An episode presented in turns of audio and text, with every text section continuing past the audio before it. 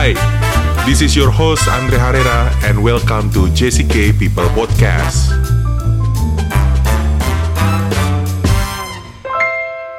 Hai, selamat datang di JCK People Podcast. Untuk uh, episode kali ini, uh, kita bakal ngobrol lagi bareng seorang uh, wanita, perempuan muda, asik, yang uh, menggeluti atau terjun di dunia kreatif industri, ya, yang uh, posisinya sebenarnya atau kerjanya dia adalah seorang desainer. Nah, kita langsung aja gabung bareng kakak Ovi. Hai, Ovi. Halo. Halo, halo. Oke, Uh-uh. Ovi, eh, tadi kan aku udah sempat eh, kasih tahu nih ke teman-teman bahwa Ovi ini adalah seorang eh, desainer ya, bener ya? Iya, iya betul. Seorang desainer di kreatif industri, berarti eh, banyak hal yang nanti mungkin bisa di di sharing eh, sama Ovi. Tapi sebelumnya aku pengen tahu sih sebenarnya eh, dulunya kuliahnya atau eh, apa background pendidikannya itu apa sih, Ovi? Eh, dulu sih kuliahnya ambilnya jurusan TKV, desain komunikasi visual di Oke. TKV. Oke, berarti dari awal memang Mm-mm. sudah ambil eh, background pendidikan adalah desain gitu ya? Iya, iya. Oke, jadi bukan hal yang baru lagi untuk menggeluti dunia kreatif industri ini dalam hal eh, dunia desain ya, karena emang kuliahnya jurusannya desain. iya. Gabung eh, masuk maksud maksudnya profesional di dunia desainer ini udah berapa lama gitu? Sebelum gabung di JCK ini sudah sudah itu juga nggak sih ngambil job-job gitu? Oh iya, kalau misalnya kuliah itu kan mungkin cuman ya freelance-freelance gitu ya. Eh, Mhm. baru kayak kerja yang full time itu setelah lulus kuliah dari tahun 2017 sih. 2017 sampai sekarang di JJK gitu. Oke. Sebelumnya itu sempat Mhm. ada di apa perusahaan lain cuman in-house. Setelah itu Hmm. baru masuk di agensi JJK ini gitu. Hmm, oke, oke. Nah, kan eh, setiap desainer tuh pasti punya itunya sendiri nih, kayak apa namanya signature-nya sendiri. Nah, kalau eh, Ovi sendiri ini desainnya lebih ke desain mana kalau boleh tahu? Ah, kalau saya sih biasanya lebih ke tipe-tipe desain yang elegan-elegan kayak gitu sih sama mungkin Mhm. eh, lucu-lucu gitu juga biasanya suka sih Oke. kayak gitu. Nah, itu kan eh, apa namanya? Itu kan eh, stylenya ya. Tapi kalau dari jenis desainnya, dirimu itu desain yang apa? Maksudnya kayak eh, desain yang ke motion atau ke produk atau ke apa nih? Kalau di, desain sih biasanya lebih ke grafis gitu, layout atau packaging kayak gitu sih Mhm. Oh, biasanya oke. kebanyakannya. Jadi ke Mm-mm. layout, ke Bukan- packaging gitu ya Mm-mm. biasanya. ya? Iya, iya, kayak gitu. Oke, oke. Menarik sih Sosial sebenarnya. media juga. Sosial media juga berarti semuanya diambil ya. Iya. Eh, kecuali yang 3D, 3D atau ilustrasi gitu kurang bisa Oh, sih. oke. Kecuali yang 3D sama ilustrasi nggak diambil, tapi eh, selain itu diambil gitu. Nggak apa-apa sih sebenarnya. Iya. Sebenarnya menarik gini. eh, yang mau aku mau aku tangkap adalah sebenarnya yang aku akan bahas ini lebih ke produk sih, yang packaging sih. Karena eh, jarang banget Hmm. nih ngobrol sama orang yang yang emang into ke sana gitu, yang emang mempelajari hal desain tentang packaging. Nah, eh, sebelum nanti masuk ke JJK nih kerjaan kamu sehari-hari, aku ingin tahu sendiri sih untuk seorang desainer eh, packaging produk dan lain sebagainya, yang sebenarnya orang akan eh, lihat dari sebuah packaging itu apa sih yang bikin menarik orang? Kalau dari sisi kamu sendiri ya, ini kan personal nih, menurut kamu sendiri, orang itu akan tertarik ketika melihat Hmm. packaging yang seperti apa gitu gampangnya. Hmm, kalau orang tertarik tuh biasanya itu melihat antara desainnya yang lucu atau desainnya bagus Aha. sama bentuknya, bentuknya yang unik atau lucu kayak gitu sih. Nah, kalau keduanya digabung, ya itu Mhm. pasti bakal jadi sangat menarik sih ketika orang lihat packaging kayak gitu. Oke. Bentuknya yang Gitu lucu sih. itu dari desain, eh, dari eh, kemasannya kah yang benar-benar literally bentuknya atau dari desainnya Mhm. atau seperti apa? Eh, bisa dari kayak eh, bentuk kemasannya. Jadi misalnya kalau biasa nih kita Mhm. kayak kemasan bentuknya kotak-kotak. Nah, Mhm. bisa kita kayak buat segilapan atau bentuknya bulat itu kan lebih nggak biasa kayak gitu. Mhm, Jadi yang mhm. nggak wajar lah, yang unik yang jadi misalnya Mhm. kalau packaging itu ditaruh, yang lainnya Ya. kotak-kotak-kotak dia kayak bulat sendiri kan kayak orang Oh. langsung eh catching bisa, I- i- bisa lihat gitu. Istilahnya yang unik ya, maksudnya yang beda dari yang lainnya gitu, yang yang Mm-mm. bisa eye catching gitu lah ya. Iya. Orang ngelihatnya itu juga juga juga tertarik gitu. Nah, kamu sebagai seorang uh, apa namanya dis desainer yang uh, fokus ke packaging dan lain sebagainya, uh, kalau boleh tahu kesulitannya in general sebenarnya seperti apa sih sebelum nanti kita masuk ke tempat kerjamu sekarang ini gitu. Yang in general kesusahannya hmm. sebagai desainer yang uh, untuk ngurusin packaging atau uh, produk tuh apa? Kalau kesusahan tuh biasanya itu kendalanya itu di kerangka sih. Kerangka. Kalau misalnya packaging, ya, kita kan juga misalnya buat kerangkanya. Aha. Nah itu butuh kayak trial error kayak berkali-kali untuk kayak okay. packaging ini udah pas Aha. atau belum. Iya iya iya iya iya. Itu sih. Mungkin ini buat teman-teman juga apa yang dengerin podcast uh, kali ini gitu juga pengen tahu sebenarnya susah nggak sih menjadi seorang desainer yang yang uh, untuk ngurusin atau bikin produk atau packaging gitu. Tapi uh, sebenarnya kalau menurutmu secara general itu susah nggak? Kalau misalnya gampang-gampang susah. Gampang-gampang ya, susah. Kalau awal iya, kalau misalnya bentuknya yang unik-unik atau misalnya uh. kalau kita kayak lihat dari Pinterest Pinterest gitu uh. kan ah. banyak banget tuh bentuk-bentuk yeah. unik. Yeah. Nah, susahnya itu di awal waktu kayak kita mau hmm, buat kayak ini gimana ya kerangkanya kayak gitu. Konsepnya gimana ya supaya misalnya ya? packagingnya. Iya, konsep okay. untuk kerangkanya itu sih. Oke okay, oke. Okay. Nah kalau setelah itu jadi biasanya happy udah soalnya udah jadi. udah tinggal jalan aja ya, udah tinggal gas aja pokoknya ya. Oke. Okay. Ya, ya, ya.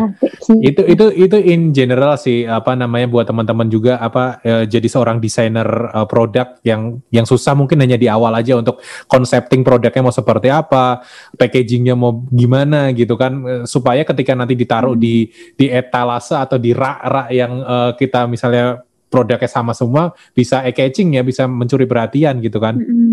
Oke, okay.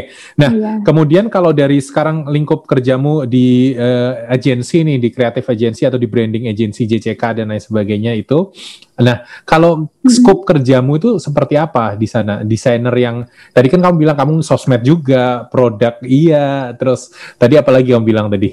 Uh, branding atau branding, layout, gitu layout. Sih. Nah, kalau dari mm-hmm. semuanya dari yang kamu sebutin itu, yang paling banyak yang kamu pegang itu yang desain yang seperti apa? Uh, kalau untuk kayak sehari-hari gitu, kebanyakan hmm. tuh pasti ada tuh sosial media. Kayak gitu. sosmed gitu. ya. Soalnya kan okay. kalau sosial uh, sosmed kan kita tiap hari. Aha, gitu. aha. Nah, ini kan uh, menarik sih sebenarnya kalau kita ngomongin sosmed dengan desain yang packaging atau produk itu kan berbeda ya, dua hal yang berbeda treatmentnya gitu. Kalau yeah. sosmed kan kita uh, uh, uh. memang harus benar-benar tahu yang nggak tahu sih ini kalau menurutku pribadi aja ya maksudnya kalau sosmed itu kan kita hmm. harus tahu yang update yang seperti apa konsepnya kontennya yang bagus yang seperti apa dan lain sebagainya nah kalau dari uh, produk sendiri atau desain yang packaging itu apakah juga diperlukan seperti itu nggak sih tahu yang lagi update yang seperti apa referensinya harus banyak juga atau gimana uh, biasanya sih kalau misalnya kayak produk atau packaging itu kan mm -hmm. kita uh, desain itu dari awal jadi dari okay. brandingnya juga biasanya okay. jadi kita kan pertama uh, kayak mengajukan mood board gitu. Jadi mm -hmm. dari mood board itulah nanti uh, untuk produk-produknya itu kita sesuaikan. Misalnya mm -hmm. untuk konsep cafe ini dia konsepnya lebih gimana kayak mm -hmm. gitu. Jadi mm -hmm. itu mengikuti konsep di awal sih kalau produk itu. Oke. Okay. Gitu. Kalau memang konsepnya dari awal memang udah mengikuti tren atau apa, maunya yang unik-unik, kita mm -hmm. juga mm -hmm. bisa kayak kasih yang unik-unik. Tapi kalau misalnya mm -hmm. konsepnya kayak old style old style ya kita sesuaikan lagi gitu. Oke, jadi sebenarnya hmm. uh, uh, sama hampir sama lah ya kalau kita ngomong kalau kayak gitu berarti sosmed sama yang namanya produk karena semuanya balik lagi ke brandnya seperti apa, penyesuaian juga yeah. perlu di sana, uh, hmm. mau dibawa seperti apa itu kan harus tetap ada berarti ya kalau kayak gitu ya. Iya. Yeah. Nah, Uh, kemudian kalau kamu sebagai seorang desainer nih yang megang banyak jenis desain kayak gitu, untuk membagi waktunya itu seperti apa? Karena kan berdasarkan aku kemarin ngobrol sama beberapa desainer juga, uh, mewawancarai beberapa desainer, mereka salah satu hal yang paling challenging adalah manajemen waktu gitu. Nah kalau dari kamu sendiri seperti hmm. apa untuk memanage waktumu? Uh, kalau waktu itu biasanya kan hmm, kita kan tektokan sama yang lain juga ya, misalnya kayak hmm. dari penulis kayak hmm. gitu hmm. sama dari PM juga, project hmm. manager. Jadi uh, ya pinter-pinter misalnya deadline-nya kapan ya biasanya sih uh, kita ngejar penulisnya kalau kita butuh penulisnya kayak gitu hmm. sih. Hmm. Lebih hmm. Uh, ngatur waktu penulisnya bisa ready kapan, kita butuh ngerjain desainnya berapa lama gitu sih janji ke hmm. klien, misalnya proofnya hari apa, hmm. ya di, itu sih spare spare waktu kan soalnya kan jalannya berurutan itu, hmm. kayak hmm. gitu. Jadi jadi lebih ke gitu koordinasinya gitu berarti ya? Iya lebih ke koordinasinya sih kalau misalnya okay. untuk manajemen waktunya itu hmm. Hmm. dari awal. Ya ya ya. Uh, menarik sih sebenarnya kalau kita ngelihat sekarang banyak banget hmm. teman-teman yang milenial tuh pengen jadi seorang desainer, pengen jadi uh, mungkin kerja di agensi dan lain sebagainya gitu. Tapi kalau berdasarkan kamu, berarti kalau kamu sekarang di JCK itu udah berapa lama? Hmm, sekitar dua tahunan. Dua tahun nah ya, oke. Okay. Dua tahun. Sekitar ya, dari, sekitar. Nah, dua tahun. Oke, okay. sekitar dua tahun itu challenge paling mm -hmm. besar buat kamu tuh apa di mana gitu karena ini supaya mungkin buat teman-teman yang pengen jadi seorang desainer juga tahu gitu oh ternyata jadi seorang desainer tuh ada juga problemnya yang seperti ini atau tantangannya seperti ini kalau dari kamu selama dua tahun ini mm. challenge terbesarmu tuh apa mm, untuk challenge terbesar itu mungkin kalau misalnya desainer itu kan walaupun kayak udah ada mungkin konsepnya atau apa di awal kan sebenarnya desain itu lebih subjektif gitu kan ya setiap hmm. orang kan punya kayak tes atau seleranya sendiri-sendiri. Mm -hmm. Kalau menurut saya sih ya waktu misalnya kita proof desain kita ke klien, mm -hmm. tapi ternyata kayak belum ketemu kayak feel yang sama gitu loh. Jadi kayak mm. menurut kita udah bagus, tapi kan mm -hmm. belum tentu sama klien tuh juga bagus menurut betul, mereka. Betul. Nah jadi kayak kalau revisi-revisi yang belum nemu titik tengahnya itu sih yang kadang kayak hmm, gimana ya kayak hmm. maunya ya apa ya kayak gitu. Iya, Jadi iya. challenge-nya di prosesnya itu sih. Berarti lebih ke gimana cara uh, mungkin cara berkomunikasi juga penting lah ya di situ ya. Gimana caranya mengkomunikasikan uh, yeah. mau kita dengan mau klien sampai nemu di titik tengahnya. Uh, oh desain yang dimau tuh seperti ini. Yeah. Ketika ketika nggak cocok kita harus bisa mm -hmm. ngomong juga. Oh nggak cocok tuh karena kenapa atau kurangnya tuh di mana dan lain sebagainya itu satu kesatuan lah ya kalau menurut menurutku sih sebenarnya iya nggak sih? Mm -hmm. Iya, iya, iya. Jadi ya memang kayak kita harus uh, memahami klien lebih dalam lah kalau misalnya kayak hmm. kita belum nemu-nemu kayak tes setengahnya itu ya apa gitu. Iya benar benar benar. Gitu. Jadi memang apa namanya ya harus harus tahu kemauan klien juga ya kayak gimana gitu ya. Oke. Okay. Nah, kalau menurut kamu selama dua tahun dua tahun ini apa namanya jadi desainer gitu, uh, klien yang paling uh, menurutmu paling ribet tuh waktu ngap waktu apa sih? Maksudnya waktu handling apa? Misalnya nggak usah disebutin kliennya siapa ya? Maksudnya waktu waktu waktu bagian apanya yang ketika kamu rasa setelah dari dua tahun ini klien yang paling ribet tuh pas ini nih misalnya atau pas itu nih? Itu seperti apa?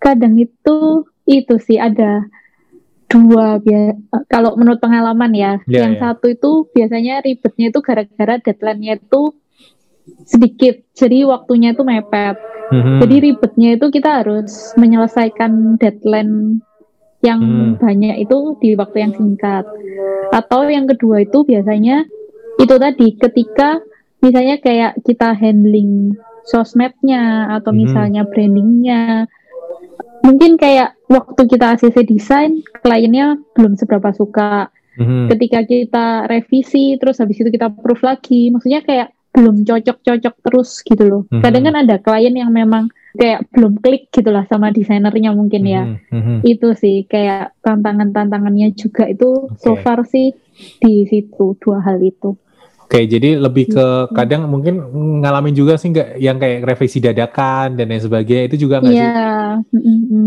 Kita lagi mm-hmm. kita sesuai. Cuman kalau kalau misalnya revisi dadakan gitu, kalau misalnya maunya sudah jelas gitu, sebenarnya kan lebih mudah lah dibanding hmm. misalnya revisi tapi kayak kita sendiri juga masih bingung maunya, maunya klien kayak gimana kayak gitu.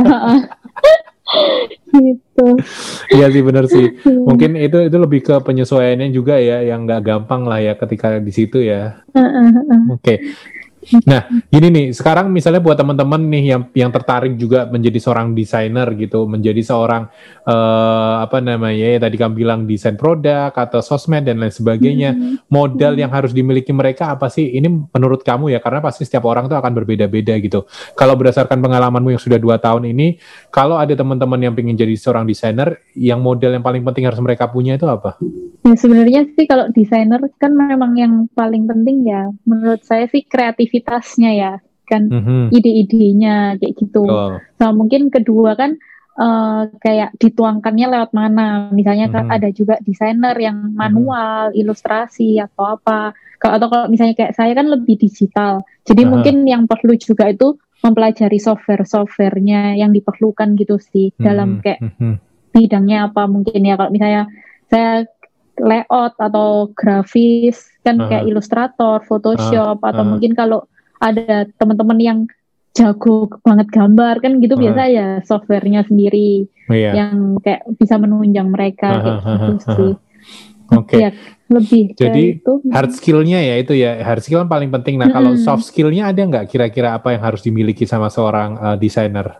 Uh, kalau soft skill sih uh, biasanya juga lebih ke komunikasi ya mungkin ya. Hmm. Kan soalnya kita kan juga kadang meeting itu juga yeah. ngomong sama klien langsung. Kita hmm. mempresentasikan kayak desain kita tuh gimana dengan hmm. kayak kita presentasi itu kan mungkin juga pemikirannya klien kan dari misalnya kita cuma kirim aja sama kita menjelaskan itu kan kadang beda kayak mm -hmm, gitu sih. Mm -hmm, Jadi kayak kita ya harus bisa pinter ngomong gimana caranya kita menyampaikan pesan dari desain itu supaya nyampe ke klien gitu. Oh, oke. Okay.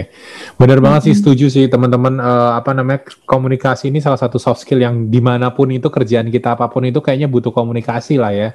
Karena ketika mm -hmm. kita tidak bisa berkomunikasi dengan baik, dengan lancar gitu apa pun apa namanya kerjaan kita mau kita seorang profesor mau kita seorang desainer itu pasti keinginan kita nggak bisa tersampaikan dan orang nggak akan paham dengan apa yang kita lakukan gitu ya Ovi ya. Iya. Okay. Iya iya betul Pak. Nggak kerasa ini Ovi terima kasih banyak buat waktunya. Semoga teman-teman yeah. juga yang di luar yang apa namanya pengen nanti jadi desainer bisa terinspiring dari cerita kita di hari ini gitu. Dan kalau boleh tahu Ovi nanti buat teman-teman misalnya ada yang mau tanya-tanya tentang mm desain produk dan lain sebagainya mungkin mm atau uh, tentang sosmed, boleh kasih tahu sos uh, apa namanya media sosial kamu nggak supaya nanti dia bisa kontak-kontakan, nge-DM mungkin atau ngechat gitu. Instagram mungkin ada nggak? Uh, boleh boleh boleh. Mm-hmm. Ya, Instagramnya Ovinia Rustandi pakai Y. Oke, okay. Ovinia Rustandi pakai Y ya. Sangat buat waktunya sukses di 2021. Semoga sehat terus ya, yang paling penting. Amin. Jaga diri ya, supaya semuanya yang dimau bisa tercapai di 2021 ya. Amin. Oke. Okay. Ya, Kakak juga ya. Amin. Thank you juga buat teman-teman yang udah dengerin podcast kita di episode kali ini di Jessica People podcast. Kita ketemu lagi di next episode. Oke, okay, see ya. Dah. Yeah. See ya. Thank you. Thank you for listen Jessica People Podcast and see you next episode. Dah.